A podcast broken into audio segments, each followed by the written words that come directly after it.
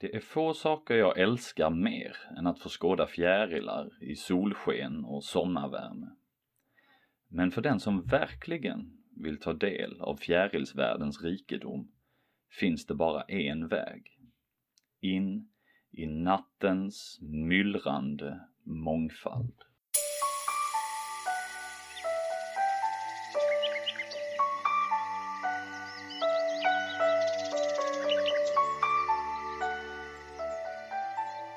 Välkomna till det elfte avsnittet av Eriks fjärilspodd med mig, Erik Cederberg. Och innan vi ger oss in på det här avsnittets tema, nattfjärilar, så har jag två korta meddelanden till alla lyssnare. Och det första är att det just nu pågår en omröstning för att utse Sveriges nationalfjäril. Och det är temaparken Fjärilshuset i Hagaparken i Stockholm eh, som har tagit initiativ till den här omröstningen som även då stöds av eh, bland annat Världsnatursfonden, Naturskyddsföreningen, Sveriges entomologiska förening, eh, Svensk dagfjärilsrapportering med flera. Så om man vill lägga sin röst på vilken fjäril som ska bli Sveriges nationalfjäril så får man gå in på Fjärilshuset, eller jag ska säga fjarilshuset.se snedstreck nationalfjäril eller så kan man ju bara googla nationalfjäril omröstning så ska ni också kunna hitta fram. Och där finns det 11 olika dagfjärilar att rösta på. Och så får vi se i slutet av juni vilken fjäril som går segrande ur detta. Eh, det är fram till 20 juni 2022 som man kan rösta på detta.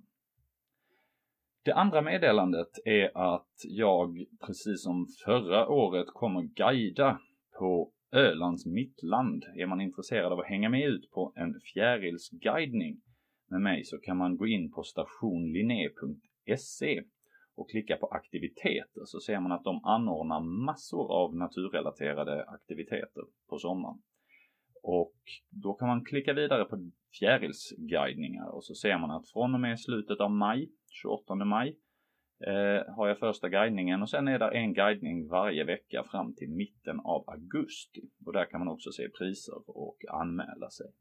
Så är ni sugna på det och ska vara på Öland i sommar, tveka inte, gå in på Station Linné och eh, boka en eh, plats på en av guidningarna. Då så, då ger vi oss i kast med det här avsnittets tema, nattfjärilar. Och den som ska hjälpa oss att ta oss an temat är ingen mindre än Paul Axel Olsson. Paul Axel är professor i växtekologi vid Lunds universitet med forskning inriktad främst mot naturvård och biologisk mångfald. Fritiden spenderas helst i naturen och för tio år sedan så breddade han sitt fågel och växtintresse till att även omfatta insekter, där nattfjärilar är det stora intresset. Här kommer Paul Axel Olsson.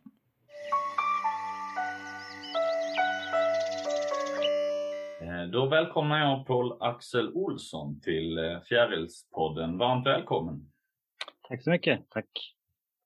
Och lyssnarna har ju fått höra här att du är professor i växtekologi, eh, men det ska handla om fjärilar idag. Så jag börjar som, som vanligt och frågar varför fjärilar egentligen? Ja, det kom ganska sent. Jag är ju plus 50 så jag har hållit på ett tag och har alltid varit naturintresserad.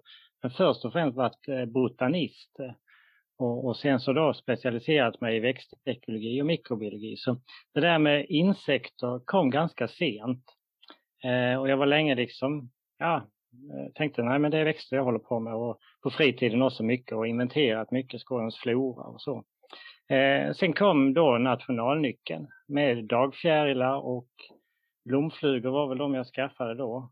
Och um, ungefär samtidigt så blev det ganska så lätt att skaffa digitalkamera och gå över till digital fotografering. Och där började det liksom, liksom då med, med dagfjärilarna, att man eh, började titta och det, det var så fascinerande att liksom hur man får nya ögon efter ett tag och hur man lär sig att få nya ögon. Fast jag då liksom är utbildad biolog så såg jag fjärilar som var väldigt vanliga men som jag inte hade sett innan. Luftgräsfjäril, slåttergräsfjäril som jag liksom inte hade lagt märke till fast jag hade gått och inventerat växter väldigt, väldigt mycket. Eh, så det, så det, var, det började med dagfjärilar och det var väl ungefär eh, 2008 kan jag tänka mig ungefär att jag satte igång. Och när blev det sen nattfjärilar? Eh, och nattfjärilen, då, då, det är en ganska speciell sak för det var, jag tror det var 2010 på hösten, där senhösten, så är det så att min, min bror är lantbrukare i Vagnkiva här eh, norr om Hässleholm där jag bor i norra Skåne. Och eh, han har en gårdslampa. Som då eh, råkar vara ju, på den tiden så var det ju kvicksilverlampor som gällde 125 watt. Och det är precis sådana som man använder för att locka nattfjärilar. Och den satt bra till då på en gavelvägg där, hans gårdslampa. Och jag upptäckte då, det var sent, det var ju fram i oktober, eh, kanske november också. Eh, och det var frostfjärilar som satt där. Och jag började fotografera dem och liksom kolla upp vad var det för några fjärilar. Eh, och sen så året efter så eh, följde jag den där väggen lite, lite mera. Och eh, då såg jag hur fantastiskt mycket och olika och fascinerande fjärilar som satt där under, under sommarnätterna. Som jag också inte hade sett tidigare någon gång eller tänkt på liksom. Så det var väl mycket det. Lite var det också när jag var ute i, i sandmarkerna i Skåne där jag jobbat mycket och då letade efter dagfjärilar så var det en del saker som flög som man tänkte, ja men här har vi en spännande dagfjäril. Men så visade det sig att det var en, en nattfjäril istället, ofta en mätare. Då. Eh, så det var lite grann så, så jag kom in på nattfjärilen genom de dagaktiva nattfjärilarna som är en liten speciell historia. Ja, och det, det leder ju oss egentligen vidare till eh, nästa punkt. För jag tänker att eh, jag har ju ägnat ganska många avsnitt åt, åt dagfjärilar lite specifikt och det är det jag kan bäst själv. Eh, men vi får ju börja med att hitta någon skillnad och det har jag gjort i något annat poddavsnitt men det, det, där måste vi ta vår början. Vad är skillnaden på dagfjärilar och nattfjärilar? För du sa precis att det finns dagaktiva nattfjärilar och det låter ju inte särskilt intuitivt. Nej, så det är inte, det är inte strikt så med aktiviteten men dagfjärilar då är, det är en speciell familj helt enkelt. Så det, det är systematiskt så det, det heter papiolonid om jag inte har fel för mig. Eh, och man känner igen dem på att antennerna är klubbformiga, är väl den bästa karaktären om man inte vet arterna så att säga. Eh, så det, det, är helt enkelt systematiskt eh, skillnad. Så när man pratar om nattfjäril så pratar man egentligen både om de nattaktiva och de dagaktiva nattfjärilarna men det är liksom en systematisk uppdelning, eller taxonomisk kan man säga. Mm. Eh, och, och, man märker också när man kikar på det att det går ju att hitta sånt som bastardsvärmare som mm. kallas bastardsvärmare just för att de är en blandning. De har ju nästan klubbformiga, inte exakt som dagfjärilar men snarlika eh, antenner och sen har de vingarna taklagda i vila som man ser hos exempelvis nattflyg. Eh, så, så det där det är ju lite praktiska indelningar som vi använder oss av också. Precis, eh. det gäller ju och använda något som är användbart då vid inventeringen. Så man brukar ju prata om dagsvärmare också. Där, där kommer ju de här humledagsvärmare och svävflygedagsvärmare in. Så, eh, och det kan ju då vara praktiskt om man då inventerar dagfjärilar så kan det vara väldigt bra, bra att ta med just bastardsvärmarna också som Svenska dagfjärilsövervakningen gör. Eh, därför att de är väldigt bra naturvårdsindikatorer och de är lättinventerade. De sitter ju dessutom stilla jämfört med för, för det mesta sitter de stilla jämfört med, med de äkta dagfjärilarna. Ja, eh, de är ju extremt giftiga kan man ju tillägga. Det är ett av skälen till att de, de håller sig ganska lugna. De vet att de blir inte uppätna hur som helst av, mm. av rovdjur. Eh, ja, och man brukar också tala om vingställning lite, men det är ju, det är ju också lite svåranvändbart, eller vad säger du? Ja, det är, alltså det är ju väldigt viktigt att få en bild. Om, om, om man vill artbestämma från levande bilder så att säga. Det traditionella är att man samlar nattfjärilar därför att det har varit så svårt i, tidigare när man inte har haft digitalkamera eller när man inte har haft eh, litteratur som, som, som, som mm, har bilder liksom på samma sätt så har man ju fått, för att förstå den biologiska mångfalden som nattfjäril är, så har man ju varit bunden till, till insamling och då spänner man upp dem. Och många böcker är då på uppspända exemplar, men om man då ska identifiera från ett levande exemplar så är det ju mycket lättare också att förstå hur den sitter och hur den håller vingarna. Så det, och, det, och det skiljer, vi kommer tillbaka lite senare tror jag till det här olika, olika grupper. Och, och deras vingställning är väldigt stor avgörelse just för att när man ska artbestämma också hur de brukar sitta helt enkelt. Mm. Eh, precis. Och vi har, eh, innan vi ger oss in i själva, själva fjärilshobbyn och vad, vad man ägnar sig åt rent aktivt, om man ska fånga eller skåda nattfjärilar, så, så finns det ju en indelning till. Och vi talar om mikro och makro, småfjärilar och storfjärilar. Eh, vad är det egentligen? Ja, det, det finns ju väldigt många fjärilar. Och eh, dagfjärilarna vi pratade först om, de är inte så många, de är lite drygt 100 i, i Sverige. Eh, och eh, eh, totalt sett så har vi ungefär 2600 eh, fjärilar, du får rätta mig om jag har fel här.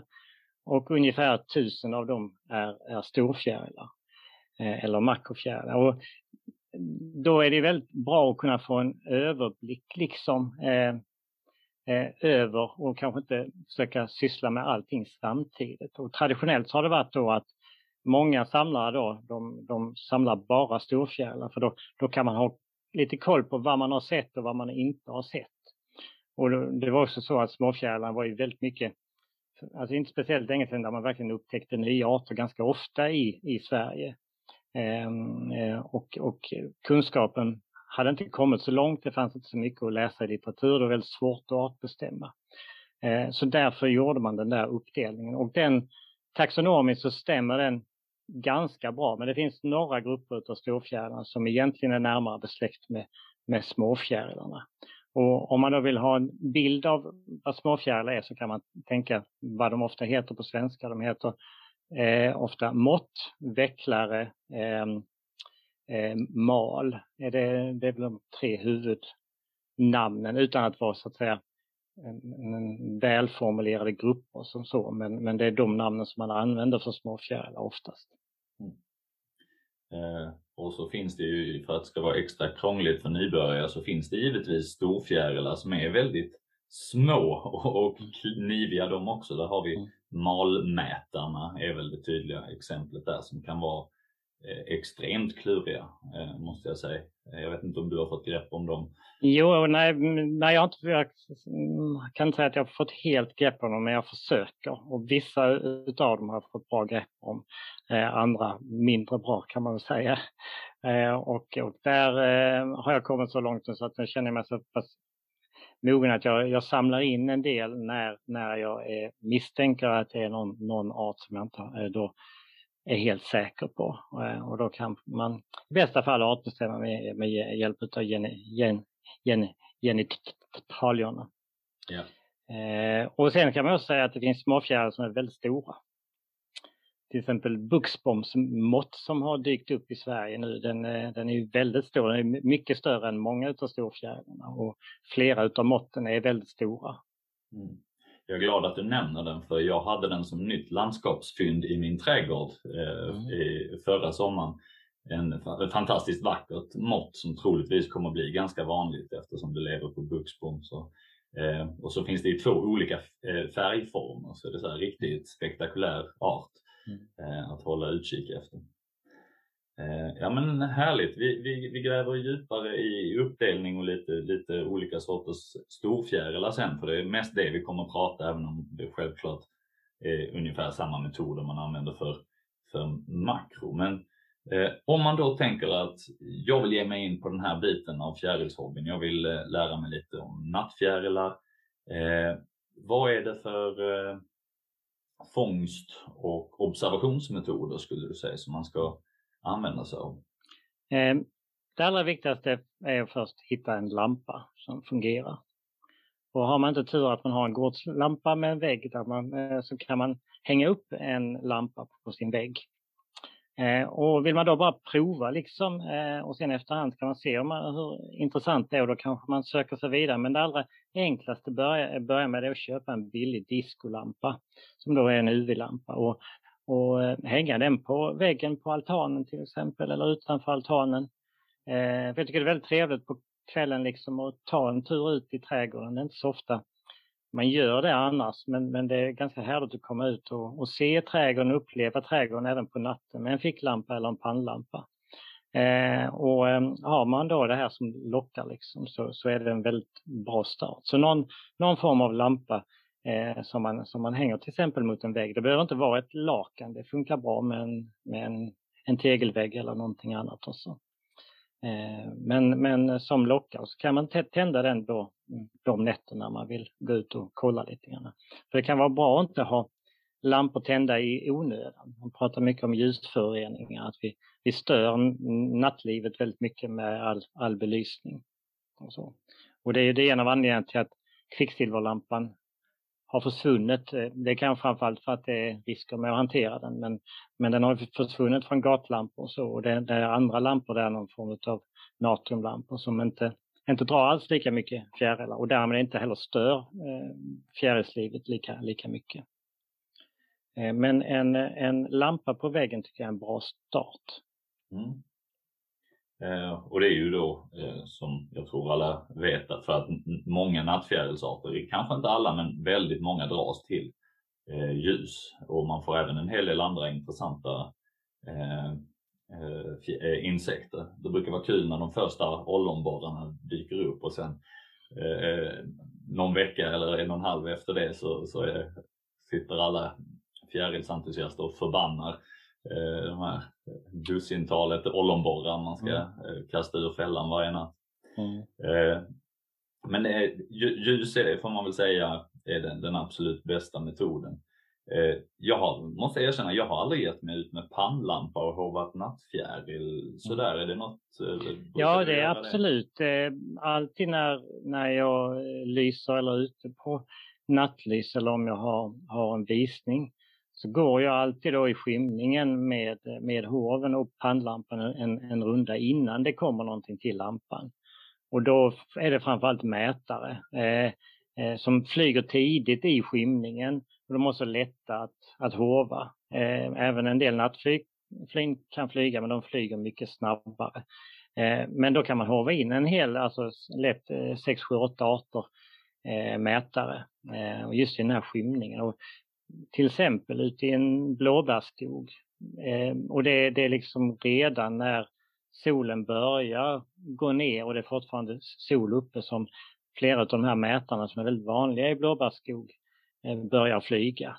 Mm, så det finns ett, ett antal arter av blåbärsparkmätare och eh, skäckmätare och några till som flyger väldigt mycket kring blåbär.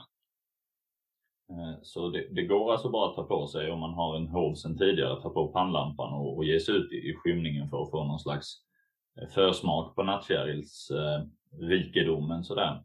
Absolut och, och särskilt för mätare. Men jag, jag, tror ändå att det vanliga är att man har man har ett riktigt nattlys med, med lampa och, och lakan och sen så gör man det här innan, eh, som jag har förstått det, som en eh, ja, men det är en rolig bifångst och sådär. Eh, eh, och, och, och, man har något att göra medan man väntar på att den riktiga showen ska dra igång. Eller? Ja, och eh, dessutom så när, när man liksom annons, om, om man har en sån här exkursion som man annonserar ut så vet ju alla att det är ett väldigt stort risktagande. För natten kan bli väldigt dålig.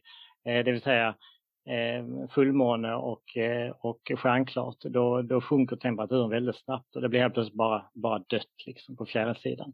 Men då kan man ofta ändå, om det då har varit en varm dag, eh, om man tänker kanske, ja men en varm dag ska det bli bra med nattfjärilarna, det behöver inte alls bli så, utan det är ju väldigt, väldigt variation beroende på vilken natt som man är ute. Eh, och desto senare framåt sommaren, desto, desto säkrare är det. Efter midsommar så börjar det liksom ändå bli att det, de flesta nätter ger ändå ganska bra, men i maj så är det ju väldigt chansartat. Det kan vara helt, helt stilla, helt dött. Eh, eh, vad, du sa här det är en, en stjärnklar eh, natt sådär, det, det är inget bra. Vad är en ide, alltså den idealiska mm. nattfjärilsnatten? Hur ser den ut? Eh, det ska jag säga att när regnet ligger på avstånd, till och med att man hör åska på avstånd, det är riktigt så här fuktigt i luften. Och att det då bästa fall då blir en, en så kallad tropisk natt, att det håller sig över 20 grader. Eh, när det är både fuktigt i luften och det går jättebra med lite duggregn också. Det är naturligtvis lite jobbigare att vara ute och det är lite jobbigare att, och, och, och, och eh, studera fjärilarna och fotografera och sånt. Men eh, det bästa är när det är lite, lite så här åskluft och varmt, varmt och fuktigt i luften. Och man märker det ofta på, ja det är mycket, mycket flugor och mygg och sånt igång också.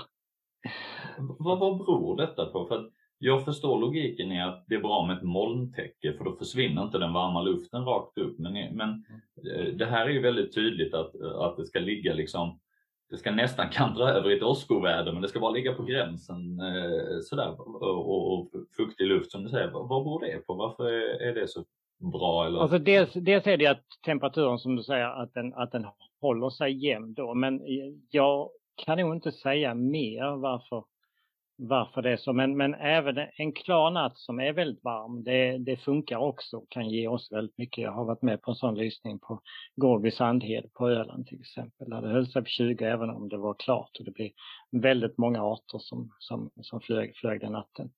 Eh, så temperaturen är väl det allra viktigaste. Men, men sen är det också, ja, kanske har en annan ledtråd också. Lampan syns ju bättre när det är med en mörk natt. Eh, och, och, med moln så blir det ju mörkare också så den drar ju mer och, och just det här med att fullmåne kan vara lite svårt för man vet ju inte riktigt varför. Jag tror i alla fall att man ännu inte riktigt vet varför fjärilarna dras mot ljus. Men det ska ju vara samma våglängd ungefär som månljuset så det kan ju ha någonting med navigering jämfört med månen att göra.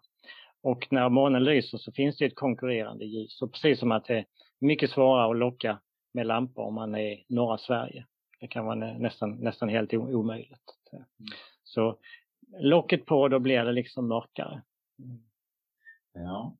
Du, eh, du sa så här, insteget är att ha en, en lampa vid, vid sitt hus om man har möjlighet. Och det, det, jag ska säga det att det går även om man bor i, i lägenhet, bara man har en, en balkong och en, en, lampa som inte stör grannar allt för mycket. Och jag, jag har eh, eh bekanta som har fångat riktigt fina arter eh, bara Eh, från en, en balkonglampa. Liksom. Mm. Eh, eh, så, så, det går att göra. Men, men sen vill man ju ofta ut och det finns ju mycket att upptäcka och du nämnde en lokal som Gårdby Sandhed.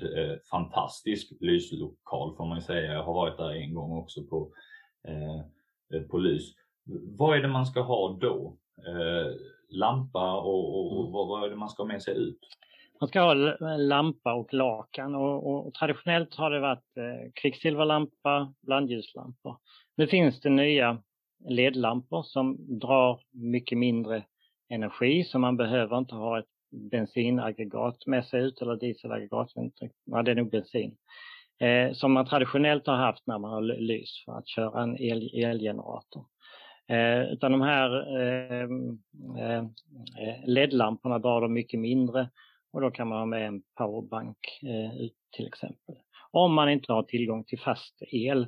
Det kan ju vara så att man känner någon som bor på ett väldigt bra ställe, eh, väldigt nära en fin skog eller har en gård ute i en fin miljö och så.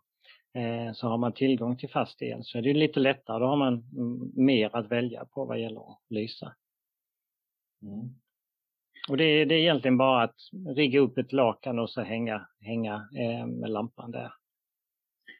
Eh, Precis. Och eh, det finns ju, jag tror frågar man tre olika entomologer så får man tre olika svar på hur det perfekta sättet är att hänga upp lakanet och, och, och, och sådär. Jag vet inte om du har några generella tips? Ja, alltså jag har ju varit ute med Mats Lindeborg eh, en hel del som är eh, bland de eh, skickligaste på det här. Och han har använt sina ljustorn där han då hänger lampan inne i. Ehm, ett, ett, ett, ett, tält som är ett mindre tält med lakan. Och, och, och eh, det fungerar bra med de här nya LED-lamporna också inne, inom, inne i en, i en liten sån här portabel garderob eh, som man kan hänga den inuti. Och jag tycker det är ett väldigt trevligt, dels har jag sett hur fantastiskt bra den, den fungerar eh, och eh, det är väldigt trevligt för det blir en stor yta där fjärilarna sitter på och man slipper titta själv på lampan direkt. Liksom. Um, så, så, det tycker jag är jättebra. Och jag ska säga att jag har i trädgården så har jag eh, haft en kvicksilverlampa som har hängt inuti en sån här eh, växttunnel.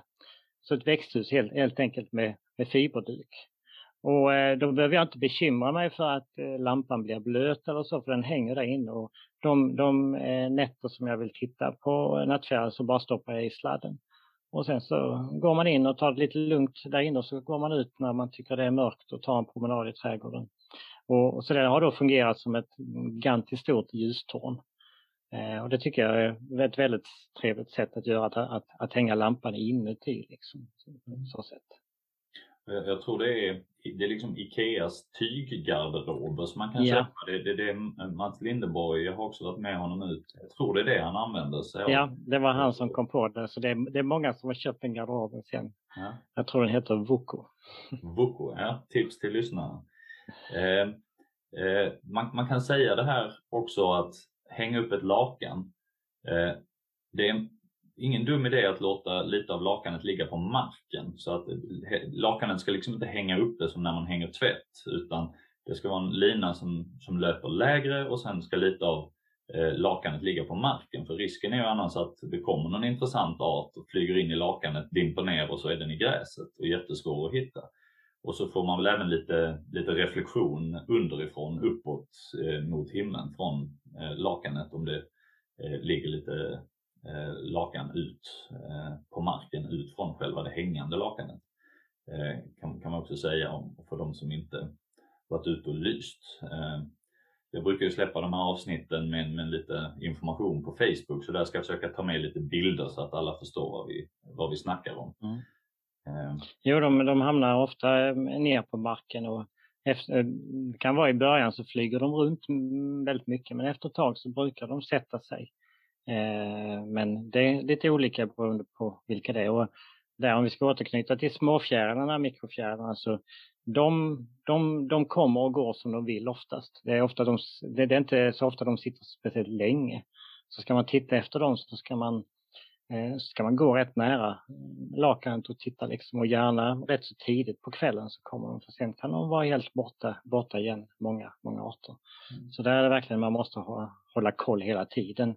För storfjärilarna, ja men då kan man lämna lakanet en timme och sen så kan man komma tillbaks och då har det kommit mycket mer och det är kanske en del som har stuckit igen men inte speciellt mycket utan det är ganska mycket, de kommer in och sen så sitter de där. Och, och, en aspekt här är väl att eh, lampan är så pass ljus på nära håll att de luras och tror en del av arterna att det är dag. Och då, då är ju inte nattfjärilar särskilt aktiva, eh, de här arterna. Så då blir de rätt så loja, en del av dem, och, och sitter snällt. Och sen är, ja, andra är lite värre. Eh, och, och det, eh, det här har också sett att det var en aspekt till av det här med lakan som jag tänkte på, men jag har sett folk göra lite olika men jag, jag tycker det är en vettig idé att låta lampan hänga liksom framför lakanet eller att lakanet går upp vid lampans sidor, att man klipper ut lite just för att fjärilar inte ska kunna börja flyga runt, runt, runt eh, en lampa som hänger ovanför eh, ett lakan. De, ja, jag vet inte vad din erfarenhet är. Jag, jag tycker bara att det är mer effektivt att de stannar när de träffar smack i lakanet. Liksom. Lite, lite kanter. Jag, jag har själv ett sånt här fyrflikigt lakan eh, som, som där man hänger lampan i mitten och sen så är det då eh, fyra flikar utifrån det och så precis som du sa ett lakan på, på botten. Eh, och den tycker jag fungerar väldigt bra för då, då smiter de runt men sen hamnar de i nästa fack liksom. Så, där, så man kan eh, se hur de smyger runt och, eh, då, och kommer på lite olika platser ibland men då, då liksom stannar de ändå kvar. Så det där fyrflickiga lakan tycker jag är bra om man ska köra en, en öppen lampa. Ja. Alternativet här är, vi, du, du talade om din lösning med växttunneln i, i, eh, eh i trädgården där men det finns ju också ljusfällor. Mm. Hur fungerar en ljusfälla? Ja, då kommer du egentligen in på min specialitet, för det är egentligen det som jag har sysslat mest med och använt mest. Eh, portabla ljusfällor där man kan sätta ut flera stycken på en natt. Eh, och de som jag har använt är då en, en eh, metalllåda. Eh, och, och, det är väldigt bra, det är viktigt att det är en metalllåda för den blir inte så varm så snabbt på morgonen. Så man behöver liksom inte upp i gryningen för att kolla, eh, kolla fällan utan den håller sig ganska sval på. Och så sitter det ett litet lysrör, i det här fallet då ett 6 watts aktiniskt lysrör. Eh, eh, eh, rakt upp eh, eh, från en tratt som sitter överst i den här metalllådan och så är det tre stycken vingar ut som just fångar, fångar in dem. Och, och många nattfjärilar, speciellt nattflyn, har det här fallande beteendet att när de stöter mot någonting så bara ramlar de rakt ner. Och då ramlar de ner i tratten, hamnar i lådan och eh, då lägger man lite, lite äggkartonger där nere och då, då hamnar de kanske flyger runt lite tag men inte speciellt länge för de märker att det funkar inte. Eh, och då sätter de sig lugnt och stilla där. Eh, och på så sätt så kan man, och, och, och det här drivs då av ett eh, batteri, ett blybatteri, så väger väl några kilo ett sånt batteri som räcker, räcker en hel natt till det här. Eh, och då kan man eh, ganska lätt då göra inventeringar, man kan jämföra olika eh, lokaler, vilket jag är väldigt intresserad av eftersom jag är, jag är i första hand liksom växtekolog och intresserad av habitat och miljöer och försöka eh, läsa miljöer ur olika eh, eh, fjärilars perspektiv då. Eh, och det tycker jag är väldigt spännande liksom, att sätta ut några, några, några fällor på en natt och sen så åker man ju hem då bekvämt, sätter sig och tittar på tv eller läser en bok och äter en god middag och så. Sen sover man lugnt och så. Eh, så kör man ut på morgonen så får man komma ut både lite grann på, på, på kvällen, eftermiddagen, kvällen och, och, på, och på morgonen. Och det, det är ju otroligt spännande att kolla i de här på morgonen. jag, jag, kan inte annat än att hålla med. Jag, jag har ju mest i den egna trädgården men när det flyger som bäst sen, det är ju som att öppna en pralinask varje morgon liksom, och se vad, vad har jag fått idag, liksom, vad är det för spännande grejer. Eh, väldigt rolig eh, liksom, form. Sen är det ju fantastiskt trevligt att ge sig ut på en riktig lyssna tillsammans med mm. folk som verkligen kan. Eh, eh, för det kan ju vara det kan vara lättare tycker jag som nybörjare att sitta med fällan och man vet att där har man fjärilarna och, och så kan man fotografera av dem, titta i, i litteratur och sådär. Men att vara ute och lysa sådär med lakan, det har jag tyckt varit lite knixigt när jag gjort det helt på egen hand. Det, mm. Det är skönt att ha, ha några Ja, man får inte, man, man, får inte vara mörkrädd om det börjar komma lite mm. vildsvinar som, som, vildsvin som, som bökar i närheten eller sådär. Eh, så nej, jag håller med. Jag tycker också att eh, ja, det, det här med att lysa med lakan ute på en, dels är det väldigt trevlig social eh, aktivitet och det är väldigt spännande att vara ute på natten på alla sätt. Eh, men det är trevligt om man kan göra tillsammans med några stycken. Eh, och sen så är det så om, om, om, man då är sugen på att jobba med småfjärilar, mikrofjärilar, då, då fungerar de här ljusfällorna betydligt sämre. Det är vissa, vissa nätter på sommaren där det kan funka riktigt bra med småfjärilar. Men många nätter och nu på våren till exempel så är det ofta helt tomt på småfjärilar. Eh, och då får man mycket större andel småfjärilar när man jobbar med lakan och, och lampa. Och det är just därför att de, de flyger in och ut lite som de vill. Man kan ofta se dem då på kvällen att de sitter runt lampan men sen kommer man på morgonen så är det ingen i, i alla fall. Så är man intresserad av småfjärilar då, då, då har det sina begränsningar eh, det här med ljusfälla. Mm. Eh, det får väl bli ett småfjärilsavsnitt sen vad det lider men jag, mm. jag tror det naturliga är att man intresserar sig för de stora häftiga arterna först och sen eh, när intresset djupnar. Men det kanske är några som gör tvärtom och börjar med det, ja, det, det, kan vara en del som har börjat nästan från dagfjäril till, till mikrofjärilar och det är sådana som då ofta hovar eller bankar. För man, man, mikrofjärilar kan man ofta stöta på då ute i naturen och sitter de sitter lite tillgängliga, de rör sig ofta li, lite mer på dagen. Vecklare kan man ofta se på blad eh, och sitta så. Så då, då, kan det vara att man hoppar över storfjärilen. Men, men om man liksom tänker så här att man, man vill ha lite koll på vad man kan se, då är det väldigt mycket att gapa efter småfjärilar om man ska titta på alla småfjärilar med en gång. Eh, utan att ha lite koll på eh, storfjärilen storfjärilarna då, det, det, är inte så svårt. Det är ganska lätt att bläddra igenom en bok och få en uppfattning av vad som finns och vad som kan hittas i ett visst område. Medan eh, eh småfjärilen då, då, får man gräva mycket mer och kolla med värdväxter lite grann och sådana saker. Ja. Det finns ju, det finns ju en del andra metoder eh, att eh, använda sig av för, för att få tag i fånga eller observera nattfjärilar. Men jag vet inte, har vi uttömt eh, det här med ljus? För det får vi ändå säga är huvudmetoden. Och det är det som har ja, det är det som har lett liksom kunskapen framåt allra, allra mest, just bra ljusfällor. Eh, är det något mer att säga på den punkten? Ehm, ett, alltså det, det, det här skiftet att gå från, gå från en öppen lampa till, till ljusfällor. Ljusfällor kan ju också vara olika starka så att säga. Och det är många arter som rör sig väldigt mycket. Eh, och då kan man ju liksom på en plats få väldigt mycket om man håller på väldigt länge och, och, och lyser. Men man får kanske inte sådär jättebra uppfattning av hur arterna är fördelade i miljön. Och då tycker jag de här, och de, de här de svagare ljusfällorna som jag använder, de, de heter, kallas för heath traps. Eh, och det, det, är nog efterhand som kom på det. Men tanken med dem var att de skulle inte vara så starka utan att de ska spegla vad som finns i närheten. Och att man då ska, ska kunna studera olika biotoper, hur de skiljer sig åt. Mm. Eh, och sen är det alltid så att det är lite svårare ute på öppna marker än inne i skogen. Så, så det är kanske lättare. Det, det är mer beroende på vilken typ av väder och natt man har ifall man är ute på, ute på öppen mark.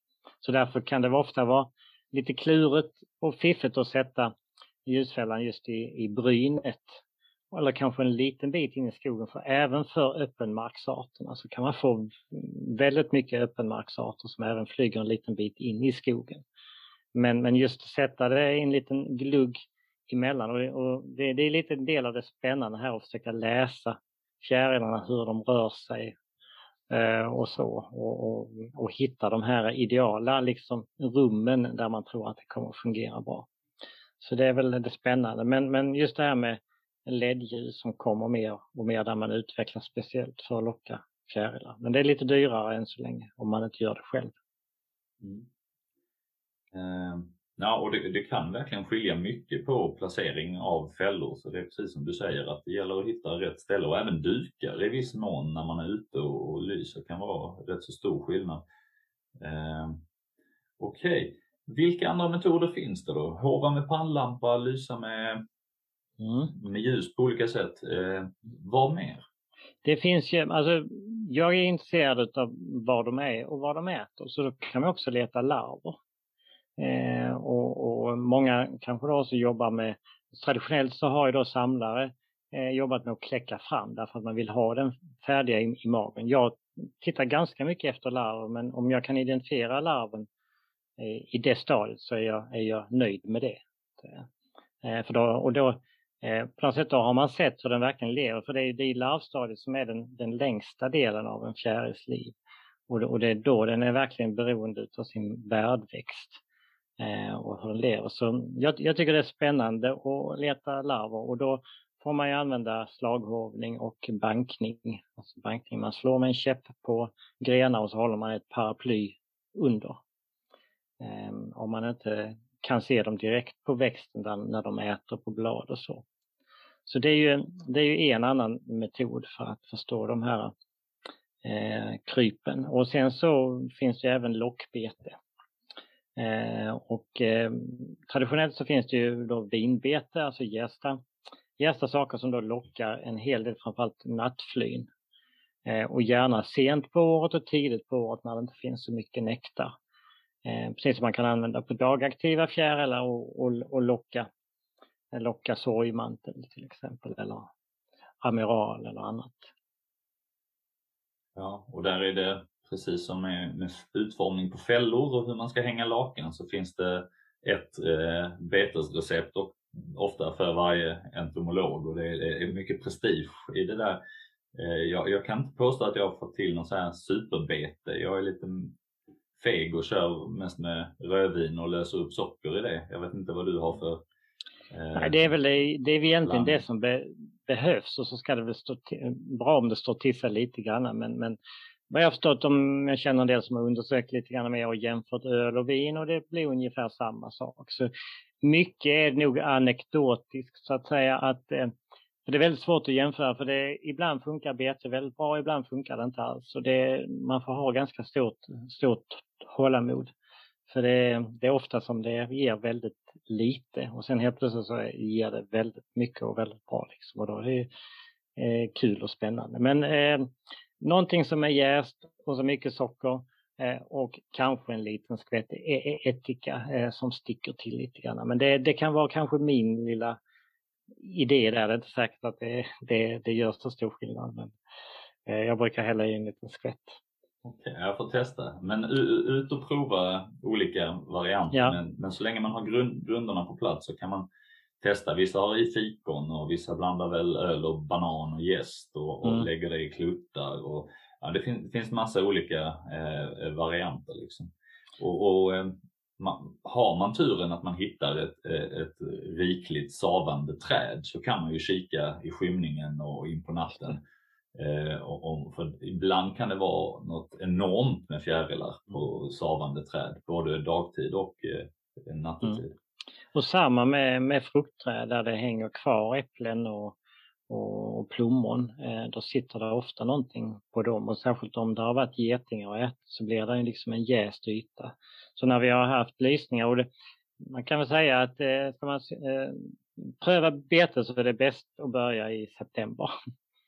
eh, augusti, september, oktober, det är då det funkar som bäst och, och, och, lite på våren men det är nästan bara eh, näst, bäst innan säljen börjar blomma och den blommar ju väldigt tidigt så det, det, det är ett ganska litet fönster där så att säga när det funkar riktigt bra. Men, men på hösten och gärna vid kusten, gärna i magra marker. Och då kan den vara väldigt effektiv för att hitta de här lite migrerande arterna, inflyttande arterna eh, som då, då lockas på det. Så när det är, när det är torrt och, och magert i naturen, då kan bete funka bra. Men gärna på sensommaren, hösten och det är då det normalt sett finns jästa saker i naturen. Så det, det är de arterna också som letar efter det. Mm. Jag, jag kommer att tänka på en, en sak som eh, vi kanske missade lite nu när du sa migrerande arter, att när man pratar en riktigt bra natt Eh, så kan ju vindriktningen, tror jag inte vi nämnde, men det kan ju vara avgörande om man har tur och får riktigt fina migrerande arter, eh, syd, eh, öst, sydöst sådär. Då blir det bra här på, i, Kalmar och på Öland i alla fall. Mm. Ja precis, Nej, det, det, där är ju en liten vetenskap i sig själv och det, det har ofta varit väldigt stort intresse, fokus på de här för om man, om man har sett det mesta liksom så vill se något nytt så kanske det är de här arterna. Och det, det kan ju vara, fjärilar, det är inte riktigt riktigt på samma sätt som fåglarna att de alltid sträcker söderut utan de kan ju röra sig norrut på sensommaren. Jag har själv varit vid Kåseberga alltså på, på Skånes sydkust i september och gått med, med pannlampa där eh, och på sluttningar där och sett enorma mängder med gammafly och, och klöverfly som antagligen, eh, och det, det är lite svårt att veta vilket håll de de migrerar åt. Liksom. Så det kan, det kan mycket väl vara att de kommer upp här på hösten. Men det kan också vara att de ackumuleras vid kusten om de sträcker söderut, om de rör sig söderut. Ja. Eh, men, men sydliga, varma, sydliga eller östliga varma vindar är väl det som är, är det mest givande, ska jag mm. säga. Eh, precis. Eh, nu blev det ett litet instick här i, i genomgången av fångstmetoder men det, mm. det, kan, det kan ju vara värt att, att känna till faktiskt om man just bor vid, vid, kusten eller om man har ett antal nätter och ska välja en så kan även vindriktningen vara värd att, att, att tänka på. Eh, vi pratade bete eh, och så finns det också feromoner. Ja. Vad är detta? Det är eh, något väldigt spännande. Det är ju eh, könsferomoner så det är ju, det är ju honorna som, som lockar till sig hanarna och, och, och det här kan man då studera eh, och, och försöka reda ut vilken molekyl är det. Och de här ofta ganska likartade molekyler mellan arter eh, och små modifieringar som gör det och då kan man, då kan man tillverka de här molekylerna också. Och, eh, det här görs framförallt en forskning för biologisk bekämpning. Eh, och mm, en, en sån här grupp där man har jobbat mycket med feromoner är glasvingarna. Och det är spännande för oss entomologer för de är nästan omöjliga att hitta utan att locka dem. Eh, men mm, en del av de arterna är då ganska ehm, eh, besvärliga, till exempel i, i, i odlingar med, med svart, svart vinbär så kan man då få väldigt mycket vinbär, mm, vinbärsglasvinge. Och kan man då använda ett feromon för att locka till sig då istället för att eh, spruta någonting som dödar en massa och har hälsoeffekter. Så, så fångar man bara de besvär, besvärliga djuren. Eh, och det här kan ju då vi använda och det finns nu för de flesta glasvingar som finns i Sverige. Och glasvingar är en väldigt speciell fjärilsgrupp på så sätt att de ser ut som steklar, både i kroppsfärgen och i vingarna. Eh, de flyger i huvudsakligen solsken på dagen men eh, är utav något, på något sätt så väldigt snabba så att de är nästan omöjliga att, att hitta. Men, och så sätter man upp ett sånt här feromon som man då kan köpa. Eh, och helt plötsligt kan det komma jättemånga stora, fina, vackra. Mm. Eh, så det, och det, det går att locka en del andra, en del nattflyn också. Också en del av de här sydliga arterna som är väldigt vanliga söderut som, men som kan komma upp här en och annan gång när det är väldigt de här varma vindarna söderifrån. Eh, söderifrån. Eh, det är ofta väldigt vanliga jordbruksarter eh, längre, längre söderut. Och, och feromon, det får man ju som en liten gummiplugg ofta finns väl, eller som ett litet provrör kan det också se ut som. Och då finns det ju fällor där man som är ungefär utformade får man väl ändå säga som ljusfällorna men istället är det en feromon, eh, en feromonplugg som ska sättas i den position som, som eh, eh, glödlampan har i en traditionell fälla fällande tratt liksom, så kan man fånga massvis om man går ut i en äppelodling. Jag pratade med, med Pav, han hade varit, som, som har varit med i det första avsnittet av podden, Pav Jonsson. Han hade varit nere på Österlen vid äppelodlingarna i Kivik och satt ut en fälla med feromon för eh, äppelglasvinge. Och det var liksom, han sa att det var i princip ett, ett tunt eh, grått lager av vingfjäll på hela insidan av eh, mm. den här fällan även efter han hade tömt ut det här 200 antalet glasvingar eller vad det var som hade åkt ner i fällan. Så det, eh, det är inget snack om saken att man, man får veta, finns det glasvingar med, av rätt typ så kommer de till eh, ditt feromon. Liksom. Mm.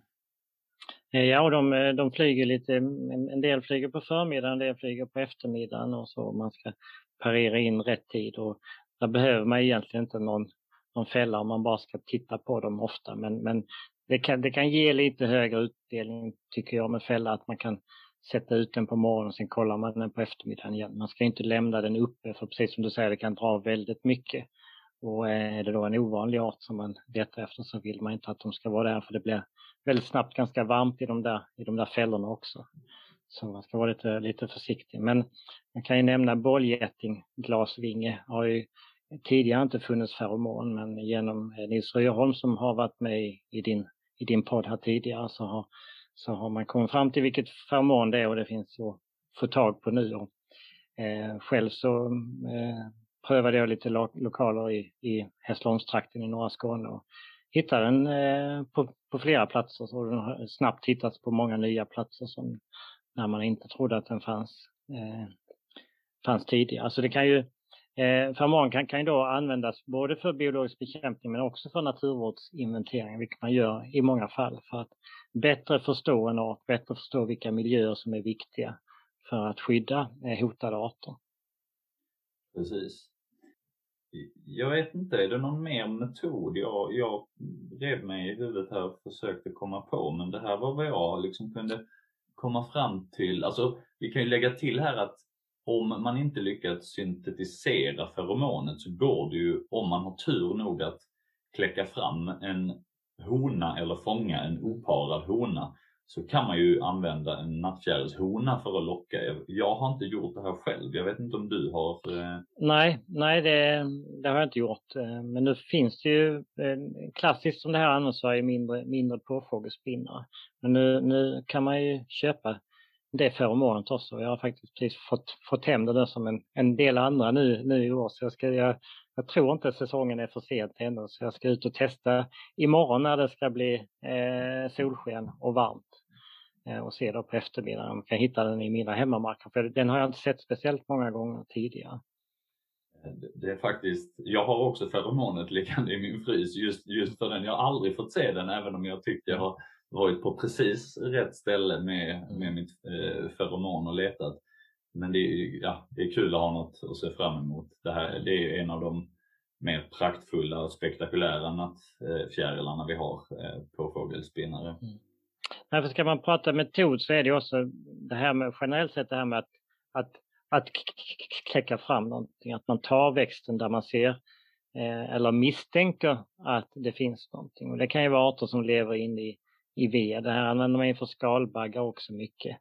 Att man helt enkelt kläcker eh, fram, fram arterna. Men det är, oftast är det väl då att man samlar in larver och, och sen låter dem äta och förpuppa sig och sen så ser man vilken fjäril som kommer fram då om man inte vet det tidigare.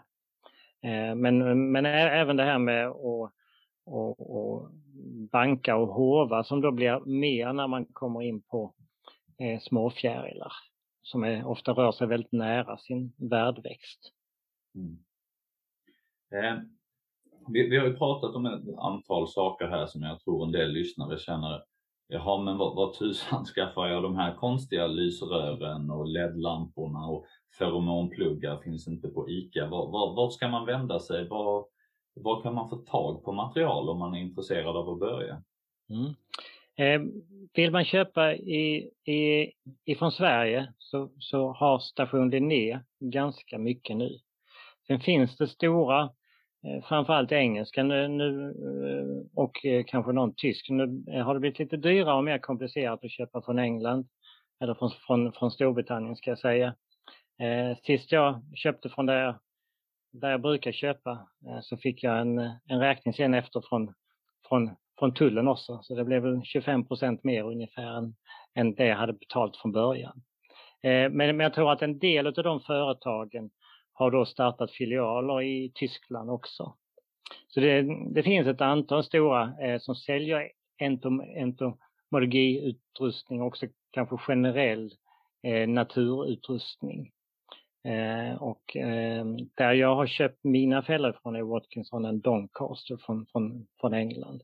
Jag vet inte om de har någon filial nu utanför, utanför England. Men det finns ju ett antal stora eh, NHBS och Angleps och så finns det i Tjeckien eh, Ento, eh, Entosfinx som säljer bra saker och som har väldigt bra organisation så man kan ju, det funkar väldigt bra att beställa ifrån de här stora välkända företagen. Ja, eh, jag har också, jag tror det är Entosvinx jag har eh, beställt ifrån och just station Linné har jag ju självklart och eftersom jag bor i närheten av Öland där station Linné ligger. Eh, där, där är ju just med feromonerna eh, som ju är spännande, där så har de ett beställningsdatum inför säsongen så det har löpt ut för i år. Jag tror det brukar vara ja, men fram till slutet av mars eller om det är fram till slutet av april så, så får man helt enkelt mejla in beställning för de tar inte in jättemånga feromonpluggar utan de vill veta vad folk vill ha så de inte beställer massa i onödan som ligger och, och blir, eh, ja, men, blir gamla i, i frysarna. Eh, jag vet inte om det, jag tror de flesta just för feromoner använder station Linné. Jag vet inte om det går att beställa hem det från andra ställen? Jag gissar att det går att beställa från de som Station Linné eh, tar ifrån, för det är ett stort företag. Eh, för och jag, antar att det går att beställa direkt därifrån också. Och, och, hur det fungerar eller om det är mer komplicerat och vad som blir billigast eller dyrast, det vet jag inte. Men jag skulle gissa att det går att beställa direkt ifrån dem också.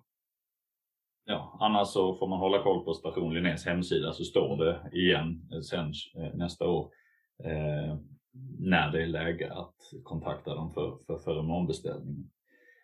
Okej, okay. eh, jag vet inte om det var något mer under eh, materialpunkten. Jag hade ju tänkt att vi ska eh, prata lite mer om fjärilarna i sig eh, och, och, utan att göra någon fullständig taxonomisk genomgång prata om vad, vad har vi för olika typer av, av nattfjärilar? Vilka är de stora Eh, och då talar vi makro, de storfjärilarna.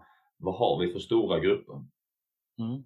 Ska, jag ta, ska jag ta någonting, jag, jag, kan ta lite grann till om, om, om fällorna när man sätter ut dem, lite hur, hur man kan och får sätta ut. Det är, är mm. ypperligt att du nämner det, för det hade jag missat. Ja. Eh, definitivt, vad gäller? Eh, jag sätter ut mina stationära fällor. Då kör jag ut någonstans och, och eh, sätter dem ofta sent på kvällen så att folk ska se.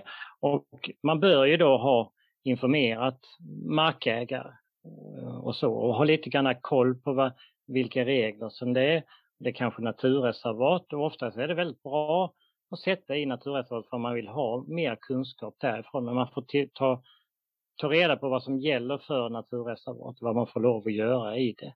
Och, och levande fällor får man ofta, ofta använda. Och eh, det är också bra att veta vad det finns för biologisk mångfald i naturreservat. Så om man sen rapporterar in det på Artportalen så är de ofta bara tacksamma för det. Och eh, numera är det väldigt bra beskrivet för naturreservat vad man får lov att göra och vilken som är kontaktperson för varje reservat. Eh, och eh, det ska oftast inte behövas att man söker tillstånd och så för, för sådana saker.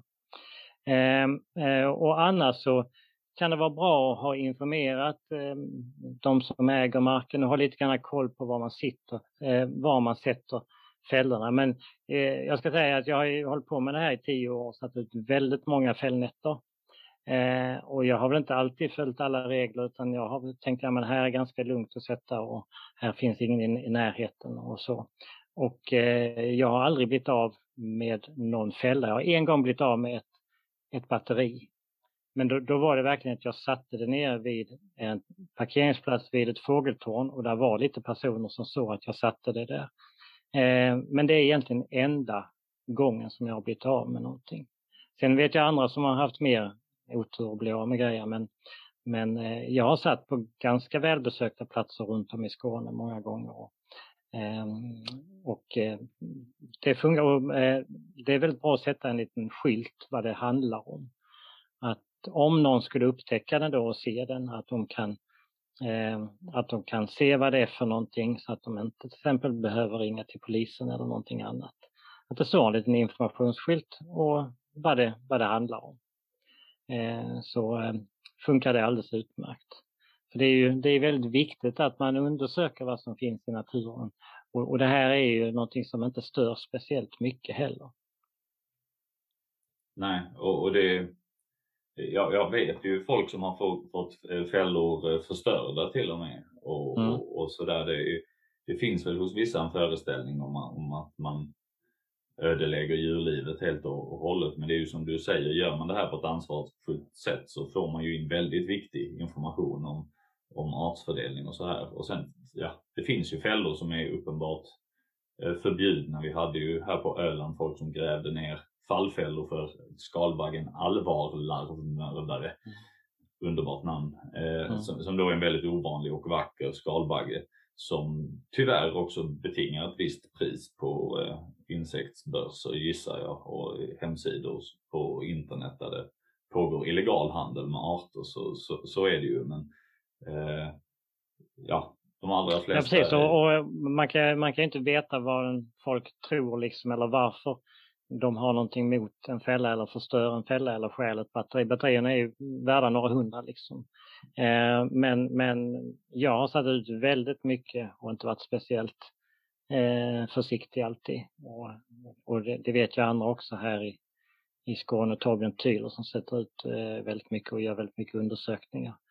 Eh, att, det, att det funkar. Folk, folk eh, är ganska hänsynstagande men det kan också vara om man man sätter dem lite, folk är inte så glada för att gå ut i högt gräs på kvällen till exempel. Så eh, man, man rör sig inte så mycket liksom utanför de allmänna lederna. Så, så funkar, det, funkar det fint och tryggt att sätta ut. Liksom. Ja, nej, jag, jag, jag, vill inte låta alarmistisk på något sätt, men man har ju hört den, den formen av berättelser. Men eh, jag, jag har aldrig upplevt eh, något åt det hållet. Sen, sen eh, vet jag inte om det förekommer att, att boskap tycker det där är intressant om det börjar lysa något som man inte har, har räknat med och att de kan bli sönderbuffade av någon ko och sådär. Eh, och, och, att folk sen får för sig att de blivit saboterade snarare. Eller om det är något annat vilt djur. Eh, jag har ingen koll på det där. Nej, och jag, jag brukar inte sätta där det finns djur inne in i beteshagar och det är väl också med tanke på Ehm, att det kan, alltså de, djur kan ju vara väldigt nyfikna och börja och tugga på saker och man vill inte att någonting ska hända, att de får glassplitter i, i, i magen. Så det är, det är väldigt allvarligt. Så, så eh, jag sätter utanför eh, eh, eh, staketet om det, om det är betes, betesdjur i, i närheten. Jag kan berätta en liten anekdot. Jag satt en gång fälla nere på, på Klagshamn, som ligger strax söder om Malmö en liten halvö yta där, där det är väldigt mycket nattfjärilar och genom åren har hittats väldigt mycket eh, rariteter. Och jag hade satt den bakom en bod där och där var en dörr. Så kom jag sen eh, på morgonen efter och då hade någon tydligen behövt gå in i den där boden. Men då hade de flyttat min fälla på så hänsynsfullt sätt så att batteriet var for, fortfarande inkopplat och allting, de hade flyttat allting tillsammans och, och sen så stängt igen och där hade jag mitt första ovalfläcksjordfly i den, i den fällan. Eh, så det var, det var fantastiskt kul att se vem det här nu var, om det var någon, någon som skulle övernatta, någon uteliggare som skulle ligga där inne på natten eller om det var någon officiell person som skötte om fastigheten, det, det vet jag inte. Jag vet knappt vad det var för en, för en bod där ute. Ja, det är bra. Eh, om vi ger oss i kast med själva fjärilarna då. Mm. Eh, vilka är de, eh, de stora grupperna bland storfjärilarna då? Och nu talar vi nattfjärilar, dagfjärilarna lämnar vi därhän. Ja, eh, då pratar man traditionellt om tre grupper eh, och det är då eh, mätare eh, som är en egen familj, geometrider. Eh, det är nattflyn, noktoider Eh, och sen spinnar och svärmare som då är en mycket mer heterogen grupp som är, består av flera olika familjer och så generellt så fungerar den här mm, indelningen bra för det blir eh, ganska likstora eh, delar, tre delar. Den här spinnar och svärmare är lite mindre. Eh, sen är det ju inte helt, eh, mm, alltså det här med taxonomi, det, det förändras. Systematiken, Eh, eller taxonomin är är ju vårt sätt att försöka spegla eh, djurens eh, släktskap, hur de är relaterade till, till varandra då. Eh, och eh, forskningen går framåt, man lär sig mer och mer. Eh, och det där som var nattflyn för 25 år sedan, det är kanske lite mer komplicerat nu och att en del av det som vi kallar för spinnare egentligen lite närmare nattflyn och så. Men eh, det där är ju en annan historia som man kanske inte behöver mm, bry sig så mycket om alltid om man är intresserad utav arterna och deras, eh, eh deras biologi. Eh, så fungerar det här med eh, den här uppdelningen ganska bra. Och som sagt var, eh, mätarna, de är då en familj med 300 arter ungefär i Sverige. Och de är ganska lätta att känna igen. Och eh, varför de kallas för mätare? Jo, det, det, det är larvens eh, beteende som, som har gett det namnet. Eh, larvstadiet är ju en sak för sig. Eh, vi vet att insekter har sex ben men larver har ju flera ben, eh, så de har ju ett, lite extra larvfötter också. Eh, och då har normalt sett fjärilslarver sina sex insektsben. Sen har de fyra par larvfötter Eh, och så har de ett par analfötter längst bak också. Men på mätarna så har tre av de här paren med eh, larvfötter eller bukfötter ska vi nog säga försvunnit. De har e-, evolverat bort eh, så där är bara ett par. Och det är därför de mäter sig fram, därför att det saknas liksom lite ben där på, på mitten. Och det här gäller nästan alla mätare. Det är alltid så, det finns inte någon regel utan undantag. Och, eh, jag tror flickfjärilarna har, har något mer och det kanske ytterligare någon som, som avviker. Och sen så har vi då eh, nattflyna, de har då sina fyra eh, par bukfötter. Men där finns också några som har tappat några par och då kan de också gå som mätare. Eh, så det, det finns lite undantag eh, och det, det, gör det i de flesta fall. Men mätarna är ju då en grupp som utmärks genom eh, larvstadiet men också på så att säga, det fullvuxna stadiet att de sitter med vingarna utbredda. Bredda. Eh, på engelska heter de ofta, ofta carpets. De sitter liksom limmade med vingarna mot, mot underlaget som en tapet. Eh, så de är oftast ganska lätta att känna igen och då vet man att man har en mätare. Ganska lätt. Och så som sitter då med vingarna taklagda, eh, det vill säga som, en, som ett litet tak kan man säga. Eh, och, det, och de har ofta en ringfläck och en njurfläck, vilket också, också ut, utmärker dem. Sen spinnarna och svärmar, ja de kan se ut lite hur som helst.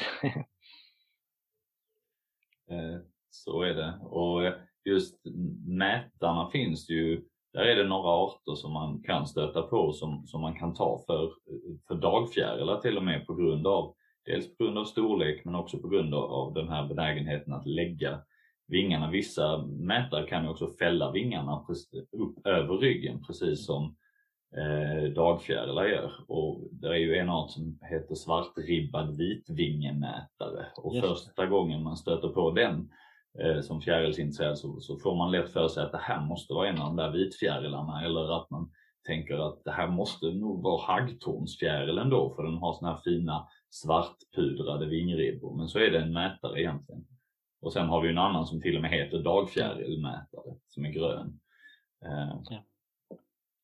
Vad, eh, vad var det jag tänkte på? Jag, jag, jag, skulle säga, jag vet inte om du håller med, men om man ska ta en grupp som är så här, den folk fastnar för, så är det väl lättast att som nybörjare, om man gillar dagfjärilarna, så är det lätt att, att fastna för svärmarna och spinnarna. Eh, mm. Det finns, eh, dels är de stora får man väl säga om man ska mm. göra någon väldigt grov storleksindelning. Det finns stora nattfly, men tittar man på grupperna som helhet så är det ju större och liksom robust byggda djur, de här svärmarna och spinnarna. Eh, och, och, jag vet inte, kan du redogöra också för varför kallar vi vissa för svärmare av dem? Och, eh, och... Svärmare tror jag är helt enkelt därför att de är väldigt kraftiga flygare. Eh, de kallas ju för hawkmoth på, på engelska. Eh, och det har väl att göra med lite grann fågellikheten, tror jag. Så jag tror att det, det är det. Alltså de, de, de känns ju väldigt annorlunda, att de, de är väldigt kraftiga flygare och det är ganska fascinerande att eh, hålla en svärmare i handen som man tar upp ifrån eh, en ljusfälla till exempel och se när den värmer upp sig och sen när den flyger iväg hur kraftfull den är i, i sitt flygsätt. Eh, och där har vi också den här eh, större, dags, eh, större dagsvärmaren som kommer in ibland på eftersommaren och flyger som en, som en kolibri kring blommor. Eh, precis som en del andra kan, kan göra. Eh, så de, de är speciella.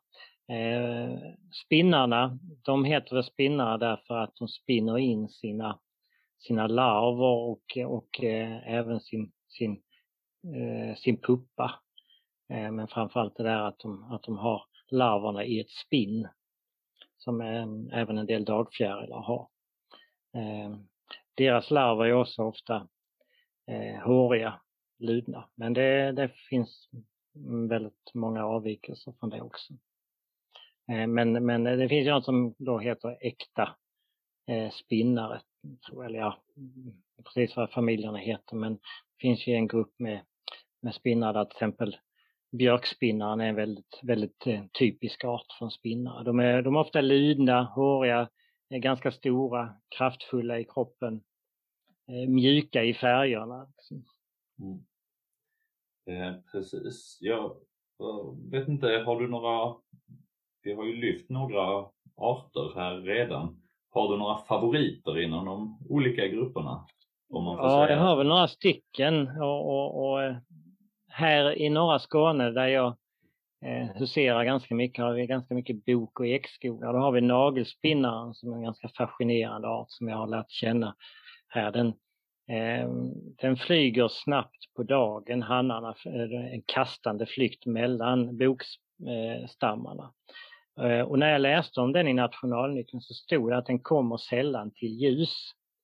Eh, jag fick se en hona en gång när vi hade en grillkväll ute på en plats och den flög mycket långsammare. Så den kunde man liksom gå fram och nästan titta på då när den flög och, och la ägg.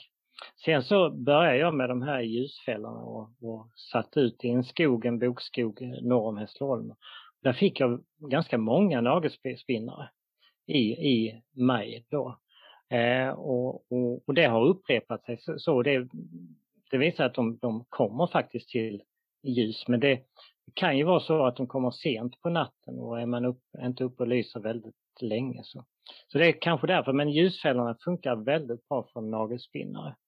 Sätter man ut i maj i en fin bokskog uppe i de här trakterna så sitter det nästan alltid några stycken nagelspinnare i där om man träffar rätt. Eh, och den är ju fascinerande stor och vackert färgad med sin lilla, lilla blåa öga där på den här eh, brandgula eh, vingarna. Så det, det är en favorit. Ja, jag har bara fått se en, en, en på dagen flygande hanne eh, och då, det var ju häftigt sådär men eh, den hoppas jag på att få återse också. De är väl nästan omöjliga att hova då för man får springa över stock och sten. Ja, eh, ja, ja, ja det, och de, ja, de är fantastiskt vackra men man får inte se så mycket av det eh, just där på dagen när de bara flyger kors och tvärs och letar honor. Men en, en portabel ljusfälla funkar väldigt bra på dem, har jag noterat. Eh, eh, finns en mätare. Jag, jag skulle nog säga att mätarna är min favoritgrupp av lite olika anledningar. Men jag tycker de är intressanta och de, de speglar sin miljö. De, de flyger inte så långt så de speglar ofta väldigt väl miljön.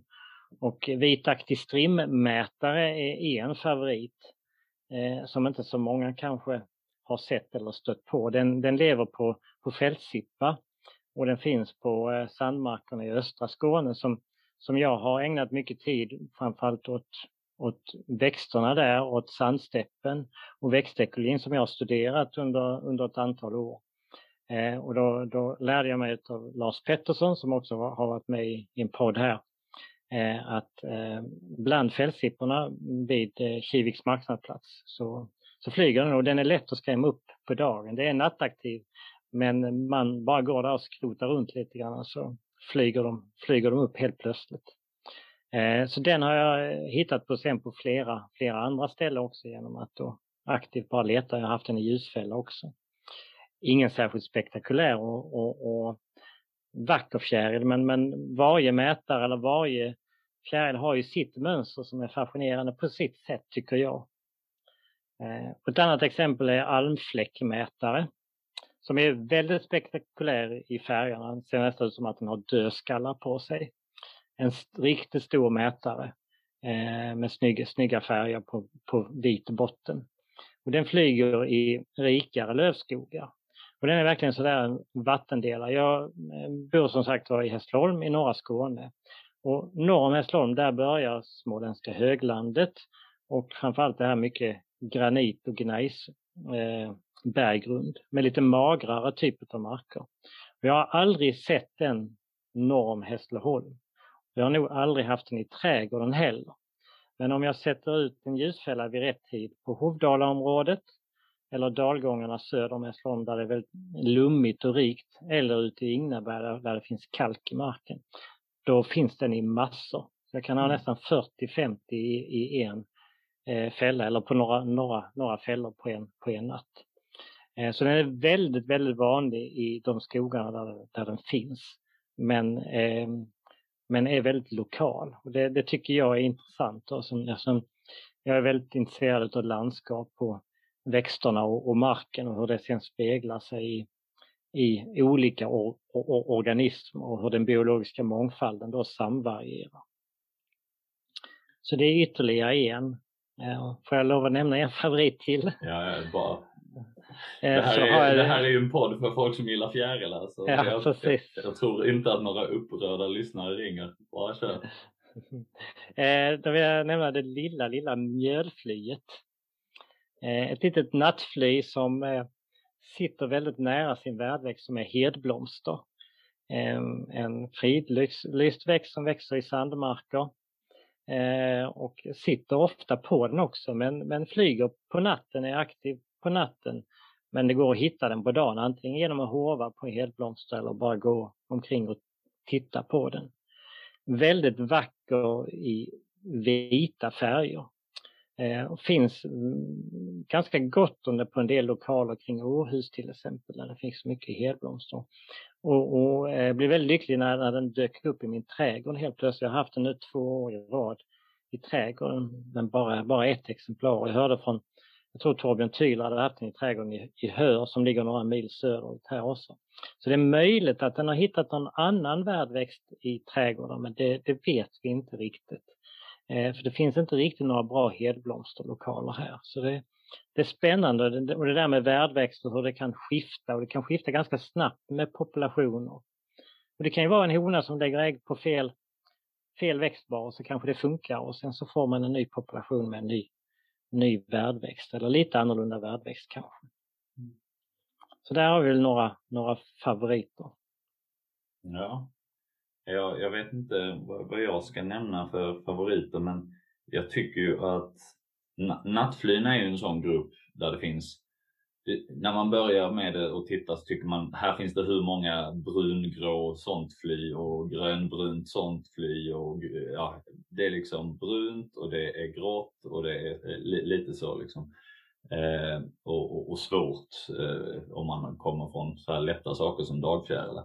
Men det finns ju fantastiskt häftiga nattflyn eh, eh att kika på. Och ordensflyna är ju rejält coola. Och de eh, har då ganska välkamouflerade framvingar. Och så har de en varningsfärg eh, ganska skarpt på bakvingarna. Och det finns de som har rött och de som har blått och de som har gult. Eh, och, och eh, så, så, det tycker jag är, det är kul att, att kika på, just blåbandat ordensfly. Eh, jag är fortfarande inne på det här att det är kul med de stora arterna där jag lätt kan se. jag är fjärran från, eh, från eh, mikro än så länge. Men, men, det är ju en rejält häftig art, absolut största nattflyt som finns liksom. Men sen, jag vet inte, det, det finns en charm också i, i fjärilar när man väl lyckas bestämma någonting som man hittat. Jag minns att jag kämpade med, är det, är det gulsporrefly den heter eller bara gulsporrfly? Ja just det, gulsporrfly är det nog ja. ja. Det är eh, en av mina favoriter. Ja, och jag, jag har strimsporre i trädgården och jag vet mm. inte om den, jag gissar att den kan gå även på strimsporre men det finns gulsporre i, i området sådär. Och, och, och, just det minns jag att det var den var knixig för att det, den kan ha antingen en väldigt ljus färgform eller lite mörkare färgformer. Och, och jag fick det inte att stämma med bilderna förrän, jag vet inte, det är något med att ibland måste man titta på dem och, och se aspekter av av ett mönster och inte fästa lika mycket vikt vid att den är vit på ett ställe Nej. eller brun eller grå. Och det var första gången det verkligen funkade för mig när jag mm. tittade på det här gulspårflyet och bläddrade och var förtvivlad över att jag inte kunde hitta någonting som liknade. Sen plötsligt liksom, nej men om jag bara kikar efter den här grejen. Mm. Uh, och så hittade jag den och tänkte det här måste det vara, även om den inte det, det var ju inte likadan så som det är om man hittar aurorafjäril och jämför och så var den likadan. Men det, det var en häftig upplevelse, mm. liksom fatta någonting om hur man tittar på nattfjärilar. Mm. Och Gulsborg, jag måste nämna det också, när jag började här lysa i trädgården då för, för tio år sedan, så var det inte många som hade den i Skåne eh, alls. Och eh, jag tänkte då, ja men järnvägen finns här en liten bit bort, där finns strimspår. Jag tänkte precis som du, den, den, den måste komma därifrån finns ju lite gulspår då också, men inte alls lika mycket som strimspår. Och jag vet ju att den är spridd längs med järnvägen, så jag tror säkert att den lever på strimspår. Men sen så, eh, om det var i fjol, eller förr, jag tror det var i fjol, så hittar jag en larv i trädgården på murreva som jag har väldigt mycket i trädgården och som är nära släkt. Jag tror att på någon internationell sajt så står den också att den kan gå på murreva. Eh, och jag hade definitivt larv på det. Sen har jag hovat larv på gulspåre, eh, inte så långt eh, härifrån, på ett, på ett par platser också. Mm. Ja, murreva har jag inte jag, men eh, det kan ju möjligtvis komma från andra trädgårdar också. Men eh, mm. eh, kul eh, nattflyg. Eh, vad säger du om man ska ge sig i kast med att artbestämma? Vad har du för rekommendationer vad gäller eh, onlineresurser, litteratur och liknande? Det är ju, eh, nattfjärilar är ju speciellt och eh, kanske fjärilar också att man, man nycklar inte. Man tänker kanske ofta att Eh, man ska nyckla när det handlar om, om in, insekter. Men det, det finns väl inga riktigt det funkar inte riktigt på det sättet med nattfjärilar. Kanske om man, om man studerar genitalier och samlar in dem. Men det är mer att, att läsa deras mönster som det handlar om. Så man är faktiskt, det, det kan låta lite trivialt att man, man bläddrar. Men jag tycker själv om eh, böcker eh, och jag tycker om mm, det, det, det, som jag har använt från början. Jag använde en en engelsk bok med, med levande bilder, fantastiskt fina levande bilder. Och lärde mig väldigt mycket då hur de sitter eh, och, och, eh, och, och, så. Och, och, jag vet ju att den spinnarboken eh, med, från nationalnyckeln, det, är ju, det visar man ju uppspända fjärilar och det eh, funkar väldigt bra för de allra flesta och även för mig att, att omtolka det till levande bilder. Men just för lavspinnarna så vet jag att det var, det var ganska svårt att tolka, tolka om det. Eh, och de är ganska typiska om man vet hur de sitter och hur de håller, håller vingarna, många av dem. Men det var mycket svårare med de här uppspända. Men eh, den bästa svenska boken då, Sveriges fjärilar, den, eh, den har ju både de här planscherna med uppspända och eh, de här levande bilderna. Och jag tycker i början så använde jag mycket planscher med uppspända för att man fick en överblick.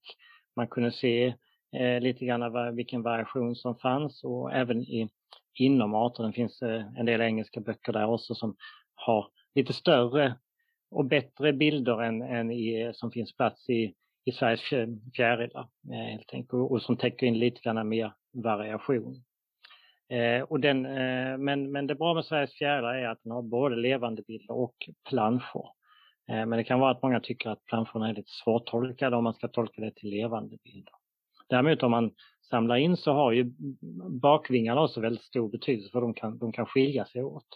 Eh, och det kan ju vara lite knökigt att, att titta på dem på levande exemplar, men det, det funkar också. Eh, de, de, de tål att man hanterar dem lite grann, fjärilarna. Eh, och sen så finns det ju då ett antal hjälpmedel som du, som du sa. Och vilken, vilken art är ju ett sånt här väldigt bra hjälpmedel. Så att säga att man, man kan väldigt... Eh, jag använder vilken art på det sättet att jag, eh, om jag har en idé vilken, vilken art jag tror det är, så kollar jag på vilken art, vilka, vilka liknande arter som finns så att jag inte har missat någonting. Så. Och det, vet det, jag att man, mm. det är en hemsida, ska vi säga, vilkenart.se om det är någon som inte är bekant med den. Eh, och där, där finns eh, där finns väl alla fjärilar som har hittats i Sverige? Ja, ja. Eh, och sen finns det också olika filtreringssteg. Man kan filtrera för, för tid och sådana saker. Och det, det har jag inte använt. Jag var väl lite, lite grann för erfaren när den, den dök upp så att jag tyckte att det kanske inte gav mig eh, så mycket mer. Men jag använder det väldigt mycket just för att se att jag inte glömmer någon liknande art eller vilka som, som jag bör tänka på som, som liknande arter. Så jag tycker den är, den är väldigt användbar men det är inte det är inte den, den enda källan så att säga. Och, eh, det är inte alltid de, det finns de bästa bilderna där heller utan eh, då finns det en del andra eh, webbsidor, en, en tysk sida, Lepi, Lepiforum. Eh, jag tror den heter Lepiviki nu också eller något sånt. Mm. Som har väldigt bra på att täcka in variationen inom en art och, och visa just hur kan en art variera. Mm. Eh, och väldigt, väldigt bra, bra bilder den skulle jag också rekommendera. Ja, nej, jag, jag, jag tror jag använder eh, eh ofta använder samma. Alltså, jag känner att om jag inte hittar den, alltså, som sagt så är de ju variabla, eh, många på ett annat sätt än dagfjärilarna, de här nattfjärilarna. Hittar man inte i boken som jag bläddrar i Sveriges fjärilar eller är jag lite osäker, då kollar jag på vilken art och ser där lite mer bilder. Och, och, och räcker inte det så finns ju Lepiforum också att kika på eller Lepiviki. Eh, så det har man ganska bra. Eh, det finns ju också som eh, Lars Pettersson nämnde när han var gäst, eh, det finns ju nu för tiden AI att ta hjälp av eller programvara som läser av. Eh, och jag vet inte, jag använder ju det här för jag, jag är ju rätt så färsk på nattfjärilar så då är det artsorakel.no, det är en norsk sida då. Eh, jag vet inte vad du säger om, om hur pass säker den är eller om det finns andra? Ja, den, är, den är inte säker men den kan träffa fantastiskt rätt i, i många fall. Men man ska ju tänka på att eh, om inte arten finns i Norge så finns det inte med om de inte har utökat den. Så det, det, är, det är många som liksom eh, lägger ut en bild och frågar är det här den och den och så är det helt fel. Ja men oraklet sa det, ja men det är den här och den finns inte i, i, i Norge till exempel. Så eh, det är ju det är ett jättebra eh, hjälpmedel, men man ska alltid vara, man ska vara väldigt, väldigt, väldigt försiktig med att använda det och det är absolut inte några säkra bestämningar. Men, men de funkar ju förvånansvärt bra, Eh, har jag sett. Eh, jag har inte själv eh, prövat det men jag ser ju eh, de som har använt det eh, och jag ser hela tiden i, i flödet till Facebook och på de som använder att det, det kan ge förvånansvärt bra resultat. Men också helt galet ibland. Ja, nej, jag har också varit med om båda, eh, båda sidorna. Men eh, Facebook som du, som du nämner där borde vi ju också eh, säga någonting om. För det är ju om man verkligen kört fast helt så eh, vänder man sig till Facebook, eller vad säger du? Ja, eller om man eh, är lat. Eh, jag själv, om, om, jag, om jag hittar något som jag inte normalt sysslar med så kanske jag, jag orkar kanske inte försöka leta. Jag, jag prövar kanske lägga in den på, på någon, någon stekelsida eller någon annan sida och, och, och, och kolla om det är någon som, någon som hugger. Så att säga. Eh, men eh, jag, jag har ju haft väldigt stor nytta och glädje av de Eh, forum som finns på Facebook. Att också testa sin egen artbestämningar mot andra. Det är liksom ett traditionellt sätt och samlare har ju gjort det genom att man träffas, man jämför sina samlingar. Man kan ju gå tillbaks till sina samlingar hela tiden eh, då också. Och jobbar man då med, med bilder så får man liksom jobba med de bilderna. Jag går själv tillbaks till mina bilder hela tiden för att kolla, ja men gjorde jag verkligen, har jag verkligen koll på den arten? Och då kan jag leta upp mina gamla bilder via artportalen då på, eh, på, på en art som kanske är problematisk. Men just med de här grupperna så, så lär man sig bli säkrare också och förstå variationen därför att man eh, vi är några stycken som hjälps åt och jag hjälper, eh, hjälp, hjälper till ganska mycket med, med nattfjärilar då, framförallt storfjärilar. Eh, där jag känner mig eh, ganska säker på det och försöker också ut, uttrycka min tveksamhet när jag inte är helt säker. För det gäller också att lyssna av någon som slänger ut ett namn liksom. Eh, för vi vet ju att det finns väldigt mycket sådana gissningar i olika grupper. Eh, och, och, då måste man veta, ja, men är det här någon som är säker på sin sak, någon som normalt sett brukar ha rätt eller någon som chansar bara. Liksom. Eh, och, och eh, men ehm, om grupperna administreras lite ordentligt så, så blir det ganska bra. Men det, det, finns väl eh, lite sånt mycket gissningar i en del fjärilsgrupper också. Precis som det, det finns i, i, i, en del, i en del fågelgrupper. Nej, och, och detta var ett av skälen till att jag valde att bjuda in dig. Jag tycker du är en av dem som brukar vara både snabb på bollen och ha, ha korrekta bedömningar av arter i, i de grupper där jag är med. Då kan vi ju säga att eh, det är väl nattfjärilarnas vänner så tror jag va, som är den mm. största mm. vad gäller eh, nattfjärilen. Ja, eh, och eh, jag vill också nämna insektsdagboken som, som Håkan Andersson startade. Men, men den är mer liksom för att visa, ja men så här funkar det nu och så här är det nu. Och då, då tyckte han det blev lite för mycket artbestämning där så då, då, då bildades Nattfjärilarnas vänner istället som, en, som en, mer som en artbestämningsgrupp. Mm. Så, eh, och sen finns det väl småfjärilar i Norden? Eller? Ja, precis. En lite mer specialiserad grupp. Ja, och det är om man, om man vill ge sig på småfjärilarna. Men och där är jag nog eh, deladministratör tror jag på den. Men, men eh, Nattfjärilarnas vänner och även insektsdagboken går med i de grupperna och jag, jag kan ju säga det, för jag vet att alla har inte Facebook men man behöver liksom inte ha Facebook till något annat än fjärilar om man inte vill. Det, det, det, är nästan så jag använder Facebook. Det är mm. liksom bara massa fjärilar i mitt eh, flöde och sen struntar jag i att säga grattis till eh, släktingar och vänner. Det kan jag ringa dem och säga men just som en resurs för att lära sig mer om, om här specialintressen så tycker jag grupper på Facebook är fullkomligt oslagbart. Alltså. Mm. Eh, jo, det, och det, det är väldigt trevligt också hålla koll, för just vi, vi pratade om det här med migrering tidigare. Det kan då vara till exempel ett, ett um, im, im, im, immigrantgräsmått eller ett, vad heter de nu, eh, vandringsmått. Eller no, någon art som liksom dyker upp helt plötsligt då på flera platser. Och eh, Eh, då kan någon liksom säga, ja, nu kom den här ikväll. Och så säger någon, ja den kom här också ikväll. Eller så kommer, går man ut och lyser natten efter och då dyker den upp där också. Så man får lite koll på när saker och ting dyker, dyker upp och så. Mm. Eh, eh just det här lite, lite snabb feedback på just när det dyker upp saker, när saker och ting kläcks och, sådana saker som kan variera mycket från, från år till år. Men helt plötsligt ser man att nu, nu är skäckspinnaren igång, nu gäller det att kolla lite grann efter skäckspinnare. Mm.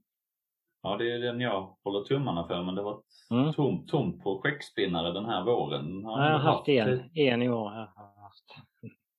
Som också då är en av de här mer vad ska vi säga, färggranna, eh, spektakulära. Ja, otroligt färggrann, otroligt röd, intensiv röd färg och så när, när, när hannen gör sitt försvarsbeteende, att den spärrar upp vingarna, så ser man också bakkroppen som helt knallröd luden. Mm. Eh, helt, helt otroliga färger. Ja. Eh, jag, jag kan sticka in med en bok till att rekommendera, eller vi kanske ska rekommendera två. Den, den jag tänkte nämna eh, som jag ändå haft en del utav är en norsk bok som heter Upplev och utforsk sommarfuglar. Det är Lars-Jörgen Natvik eh, och som, som skrivit den. Den går igenom fjärilshobbyn på ett sätt som jag lite försöker göra i min podcast såklart. Men eh, den tycker jag, vill, vill man ha någonting att läsa och, och få lite mer noggrant genomgång, vilka typer av ljusfällor finns det? Och hur, vad är det för recept som, som, den eh, som man kan blanda för att locka fjärilar och hur ska man bete sig om man vill samla in och eh, liksom sköta en samling och, och sådär. Då tyckte jag att den boken var en bra resurs och något liknande finns inte riktigt på svenska så vitt jag vet. Eh, så, så ja, man, man lär sig mycket av andra men vill man ha en bok eh, och, och kan tolerera norska så, eh, så rekommenderar jag den. Och sen vet jag inte, vad säger du om larver? Har du en bra, mm. bra tips på larvbok? Ja, då, det har kommit en ny som är jättebra som heter, eh, den heter, vi ska se, jag har två larvböcker. Jo, den heter, här har vi den. Eh, den heter eh, Field Guide to the Caterpillars of Great Britain and Ireland. Du har sett den. Den är, den är väldigt bra och eh, tidigare hade jag en som heter Color Identification Guide som är mer eh, fotobilder. Eh, så båda de två så kan man ju då liksom hamna rätt. Sen kan det saknas vissa arter eftersom det här är då brittiska böcker men, men man kan få en liten hint om också, man får en väldigt bra överblick av var har vi de håriga larverna, var har vi larverna med utskott och hur många larvfötter har eller bukfötter har de och så vidare.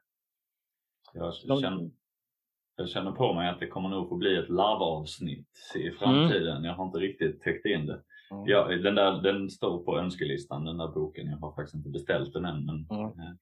Jag har hört Nej, mycket för den, den, nya här med illustreringar av eh, Richard Lewington är, är väldigt, väldigt bra och väldigt lätt, lättanvänd. Sen finns det, så finns det larver som knappast går att identifiera. De är för lika varandra helt enkelt. Men eh, man kan säga det om lite tips om man ska fotografera larver så är det väldigt bra att ta en bild rakt från sidan så att man ser fötterna också. För det, det är liksom nummer ett, att räkna hur många bukfötter de har. För det, det kanske är en växtstekel och då har den många fler bukfötter. Så man, eh, man ska alltid ta en från sidan så man kan se hur många fötter den har. Sen tar man en rakt uppifrån. För tar man bara från sidan så är det svårt att veta om den har en eller två linjer uppe på, om den har en mittlinje eller två stycken mitt, om, om det är en mörk i mitten eller ljus i mitten. Och så ska man försöka ta en närbild på, på huvudet också, för där finns också speciell täckning. Så egentligen tre, tre bra bilder behövs för att man ska börja och titta på vilken larv det, larv det är. Mm. Sen kan jag säga lite grann om det här med variation. För många har ju den bittra erfarenheten att de är extremt variabla. Nattflyn, eh, många av mätarna, också lavmätarna till exempel, Eh, Eh, och eh, själv är jag lite färgblind, defekt färgseende, så jag ser inte alltid eh, eh, färgtoner så jättebra. Så jag, jag utgår väldigt mycket från linjerna. Och det är, det är någonting som ofta är väldigt konstant på nattfjärilarna. Var linjerna sitter. Så man kan tänka sig nattfjärilar lite grann som en sån här gammaldags eh, ritbok för barn eller målarbok. Där liksom figurerna var tecknade så skulle man fylla i med färg. Och de där äh, grunden, liksom eh, linjerna är konstanta och sen kan de vara ifyllda på lite olika sätt, precis som hjulspårflyget som du sa då. Eh, och att den där ifyllningen kan variera något helt kopiöst liksom. men det, det gäller att hitta de här linjerna, hur de fungerar och liksom förstå den variationen. Så det, det är lite grann ett lite estetiskt öga för att, för att titta på dem som Mm. ofta är svårt att beskriva i ord. Och jag vet i Facebookgrupperna så är det många som då frågar experten i fråga då, eh, hur ser du att det är den arten? Och det, det, är, liksom, det är lite grann som att fråga någon, ja men hur, hur ser jag att det är er, Erik Cederberg som sitter där? Och då kanske det finns vissa karaktärer man kan utgå ifrån, men, men ofta liksom, vi kan ju skilja på eh, tusentals människor bara genom att se dem väldigt snabbt och utan att ha, ja men det är för att den har den hårfärgen eller eh, skägg eller inte skägg, utan det, det är någonting vi ser på helheten. Och så blir det när man har sett väldigt många nattfjärilar utav en art att man, man ser helt enkelt att det är den. Och, och, eh, växtfolk brukar ju prata om att man ser det på habitus, på allmänintrycket. Mm. Och sen kan man ju försöka beskriva det och försöka vara hjälpsam, men det är, inte, det är inte alltid man kan hjälpa till med att säga så att den personen då som eventuellt är nybörjare då nästa gång kan vara säker på att bestämma den. Så, så, så enkelt är det inte riktigt. Men, men man tar sig över, över trösklar i det här liksom, och, så, och så ser man ljuset i tunneln plötsligt. Ja. Och det, det, märker man ju när man umgås med så riktigt erfarna fjärilsjägare. Dels är det eh, latin som gäller på alla mm. artnamnen och sen är det just det här att man har, de har helt sanslös habitus liksom bestämning på, på arter. Eh, eh, och där det är liksom, ja, det ibland är det svårt att sätta ord på vad skillnaden man noterar egentligen är men, men eh, det är väldigt imponerande, eh, de som kan det på den nivån. Eh, bara en liten fråga, för jag, jag blir lite fundersam. Tror, tror, du det här att du har nedsatt eller någon, någon defekt i färgseendet snarare kan vara en fördel när du artbestämmer nattfjärilar just för att mönstret framträder tydligare. Eh, ja, jag, jag, vet inte, jag har funderat på det och det, det, är alltid svårt att beskriva liksom vad jag ser jämfört med någon annan. För man, man vet, man, man, kan göra de där färgseendetesten och det, det, är vissa siffror man ska se och, och som jag inte ser då så att säga. Så, eh, rent faktiskt så, så, märker jag ibland, kan det vara, alltså när färger ligger väldigt nära ljus, ljus, i, i, samma ljusintensitet så kan det vara svårt att verkligen se att det finns en gul pudring eller någonting, någonting sånt. Eh, men sen om, om, om det ger någon fördel att jag eh, ser mönstren på något annat sätt, det, det, det, det är svårt, svårt att säga liksom. Det är det. Jag, bara, jag, jag, skulle kunna tänka mig att det kan vara en fördel för att det, ibland tycker man bara att, att det är nästan som att titta på Myrornas krig när man tittar på mm. någon, någon, någon fjärilsvinge och att det skulle, ja. det skulle hjälpa nästan att lägga in den i ett program och liksom bara skärpa kontrasten jättemycket så att man verkligen får se vad är det för mönster man ska leta efter och sådär. Mm. Mm. Eh, nej men det är intressant. Jag vet inte, finns det någon annan eh, viktig resurs? Jag tror vi har täckt in det mesta jag använder. Jag vet inte om du har ytterligare Ja, ja nej, jag tror det också. Jag, jag, jag vill slå ett slag för böcker och att sitta och bläddra i förväg. Liksom. Och jag tycker det är mycket mer eh, liksom intressant att ha en liksom, förväntan om vad man kan se eller vad som finns att se. Och det, det gör upplevelsen större när man väl hittar någonting istället för att bara liksom försöka identifiera saker i efterhand men, men ha en bild vad man letar efter, var man ska leta efter det. Och då är det också lättare att identifiera. För då, då, om allting stämmer med, med habitatet, om tiden så liksom det är inte så att man kan använda det som avgörande karaktärer men det, det gör att man ser ljuset i tunneln lite lättare. Och jag, ehm, eh, själv, själv, tycker jag jag vill ha lite grepp om en grupp innan. Eh, vad finns, hur varierar de och sen så gå ut och leta efter dem. Eh, ja. Och, och då, då, är böcker väldigt bra, liksom, att man kan bläddra runt och läsa och eh, så på förväg. Mm. Och det är ju en av de härligaste upplevelserna tycker jag också när man, när man känner det här att här borde den här arten finnas. Man upptäcker mm. en plats i naturen och mm. allting stämmer liksom. Mm. mm. Och, om man sen också får rätt då, liksom, då, ja. då lägger man champagnen på kylning känner jag i mm. alla fall. Det är en fantastisk känsla. Ja, och det, och det har jag upplevt väldigt många gånger med nattfjärilar och just eh, till exempel i, i dynlandskapen i Halland så finns det några väldigt specifika fjärilar på dyngräsen. Och då, då satte jag fällor ut, eh, en fälla längst ut och det var, där fanns bara de här specialisterna. Det fanns nästan ingenting annat. Och sen inne längre mot skogen, där fanns det mycket mer blandat. Men där var det mycket mer de, de arter som jag var vana vid. Men, men eh, hittar man rätt plats så, så kan de här riktigt sällsynta arterna vara nästan de enda som finns där. Och det, det är fascinerande. Att man då inte behöver leta bland, bland, hundratals andra mm. arter. Ja, eh, du har varit mycket generös eh, med din tid här. Vad, vad, säger du, hinner du med att avsluta med en slags förväntningar inför säsongen 2022? För vi är i maj nu, mitten av maj. Eh, Ja, jag kan ta lite kort. Jag, jag är själv mm, Eh, väldigt intresserad av inventeringar. Artjagande är kul och visst vill man se det som man inte har sett innan. Eh, men jag är väldigt fascinerad av att inventera och ha kanske en lokal som jag vill kolla upp under året. Eh, men om jag ska nämna en art så skulle jag vilja se i år gulpudrat nejlikfly. Nejlikfly som har antagligen varit försvunnet från Skåne men kommer tillbaka. Så det är tydligen en annan underart än den som finns på Öland. Den finns ganska mycket på allvaret på Öland men själv har jag inte lyckats se den där heller. Men nu finns den på några platser här i Skåne, platser som jag har besökt och lyst på tidigare. Eh, så den, den eh, har jag speciellt ögonen öppna för. Eh, och sen kommer jag att fortsätta att inventera mina hemmamarker här, framförallt kring Hovdala eh, Hovdala-fältet eh, utanför Hässleholm som ligger vid Finjasjön. Det finns väldigt mycket varierande lövskogslokaler där jag hittat mycket tidigare.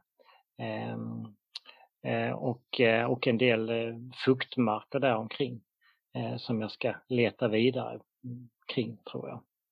Mm. Ja, det är spännande.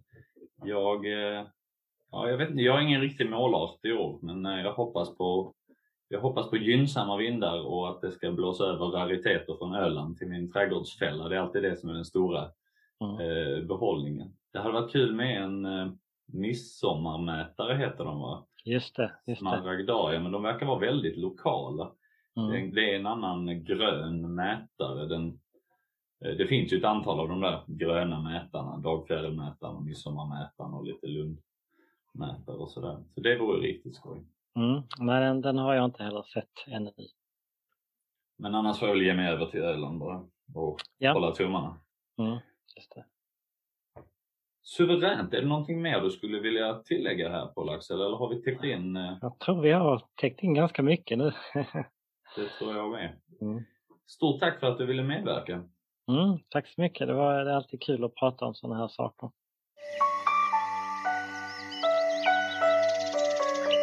Du har lyssnat på Eriks fjärilspodd. Du kan hitta mer information om podden och dess avsnitt på dess Facebook-sida som också heter Eriks fjärilspodd. Och där kan du även ställa frågor, komma med önskemål, tipsa om gäster du vill höra på podden och ge kritik och konstruktiva förslag. Och om du vill stödja den här podden så kan du göra det genom att tipsa vänner och bekanta om den och dela den på sociala medier. Du kan även stötta podden genom att swisha pengar till nummer 0733 56 49 67. Och bidragen gör att jag kan lägga mer tid på podden och att jag kan betala för den utrustning som behövs för att producera den. Så tack för ert stöd och stort tack för att ni lyssnat.